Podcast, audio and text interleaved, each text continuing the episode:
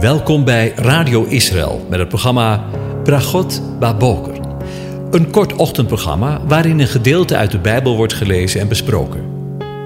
Met Bragot Baboker wensen onze luisteraars zegeningen in de ochtend. Presentator is Kees van de Vlist.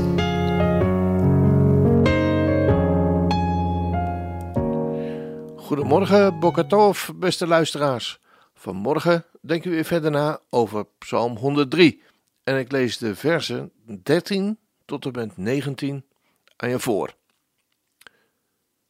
Zoals een vader zich ontfermt over zijn kinderen, zo ontfermt zich de Heere over wie hem vrezen. Want hij weet wat voor maaksel wij zijn en blijft gedenken dat we stof zijn. De sterveling zijn dagen zijn als het gras, als een bloem op het veld. Zo bloeit hij. Wanneer de winter overgegaan is, is hij niet meer en zijn plaats kent hem niet meer. Maar de goede tierenheid van de Heere, die is van eeuwigheid en tot eeuwigheid, over wie hem vrezen. Zijn gerechtigheid is voor de kinderen van hun kinderen voor wie zijn verbond in acht nemen en aan zijn bevelen denken om die te doen. De Heer heeft zijn troon in de hemel gevestigd. Zijn koninkrijk heerst over alles. Tot zover. Over ontferming gesproken. David, die vergelijkt de Heere, JHWH, de aanwezige met een vader. Hij die zich ontfermt over zijn kinderen. Over kinderen staat er.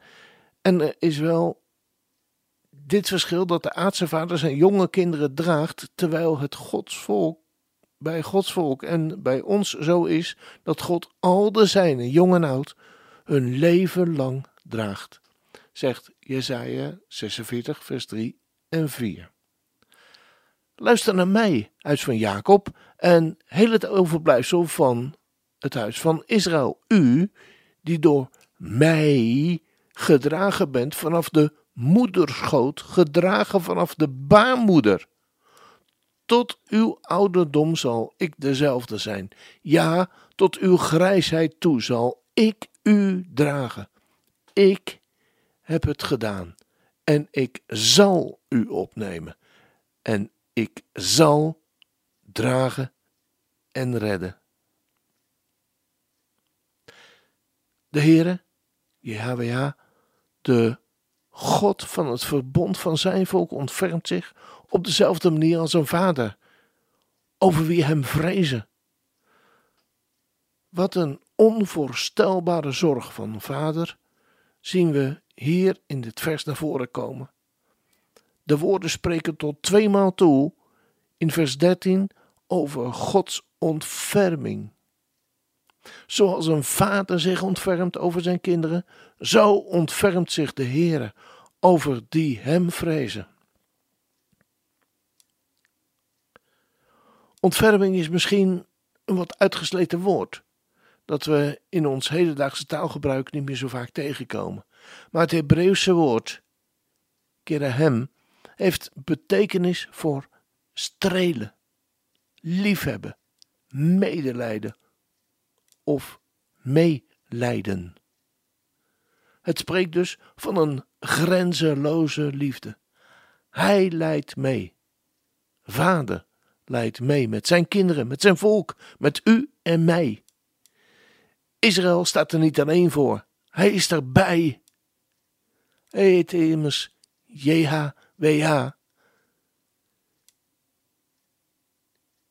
U, jij en ik staan er niet alleen voor in het leven. Ook niet in het lijden. Vader is erbij. Hij leidt zelfs mee in alle pijn en verdriet. Mogen we bij weten dat Hij erbij is. Hij heeft het zelfs verankerd in zijn naam. JHWH. Ik ben erbij. Ik ben bij je. Wat moet dat een onvoorstelbare troost zijn voor het volk Israël, dit te weten. Ook met wat zich af voorgedaan heeft in de afgelopen 2000 jaar en ook vandaag nog.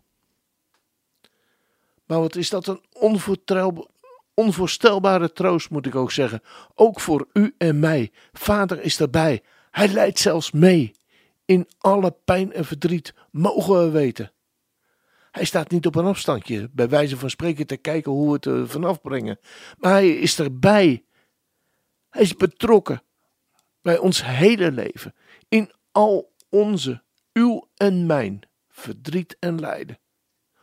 Ook al voelt dat soms helemaal niet zo. Ik weet het. Maar het is wel zo. Weet je waarom? Gewoon omdat het zegt. En zijn woord is de waarheid. Het woord vader in het Hebreeuws heeft de betekenis van oorsprong. Hij is onze oorsprong. Hij is de oorsprong van het volk Israël. Hij is de oorsprong van u en mij. Zijn kinderen zijn vanuit de Vader voortgekomen. Geboren. Ja, wedergeboren. Wat een onvoorstelbare diepte ligt er in de wetenschap dat Gods volk, maar ook wij, u en ik, kinderen van Vader mogen zijn. Dat de gelovige God persoonlijk als Vader mag kennen en Hem door de geest van God, Abba, Vader, Papa mogen noemen. Als dat geen zegen is. We gaan luisteren naar het lied, hoe kan het ook anders, getiteld Abba. Gezongen door een kind van zijn volk, Abraham Fried. Ah, Abba.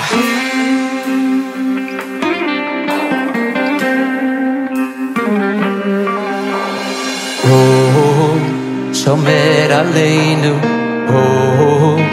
אוהב אותנו, אבא של כולם.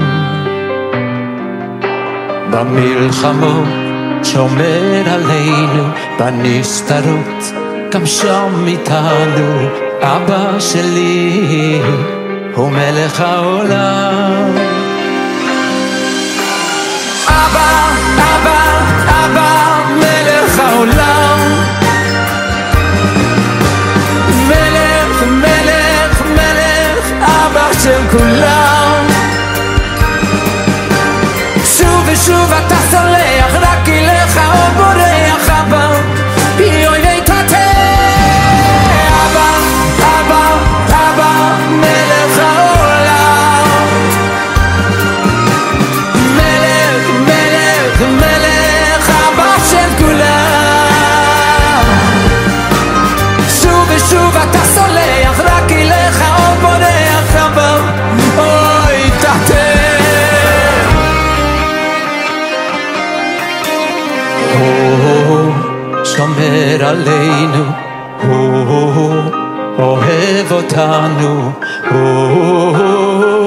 אבא של כולם. במלחמות שומר עלינו, בנסתרות, גם שם איתנו, אבא שלי הוא מלך העולם. אוי אבא, אה, מלך העולם.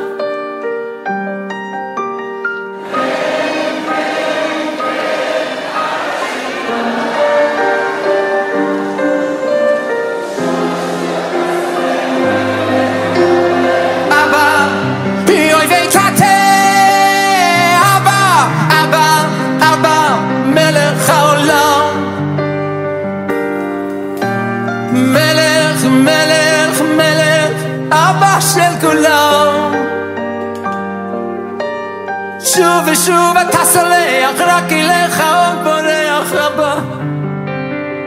אוי, תתה, תתנו.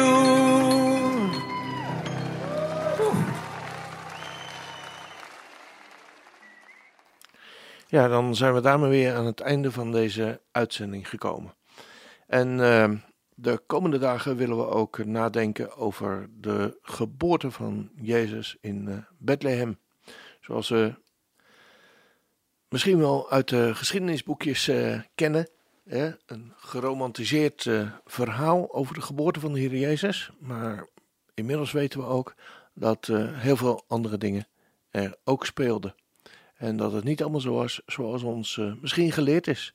Daar willen we de komende dagen tot en met 25 december over nadenken. En dan zijn we van 25 december tot en met 3 januari eh, even op vakantie. Dus eh, hoop ik u na 3 januari weer eh, samen met u verder na te denken over Psalm 103.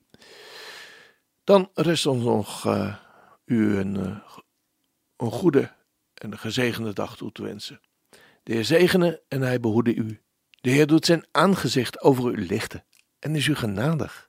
De Heer verheft zijn aangezicht over u en geeft u zijn vrede. Zijn shalom. Amen.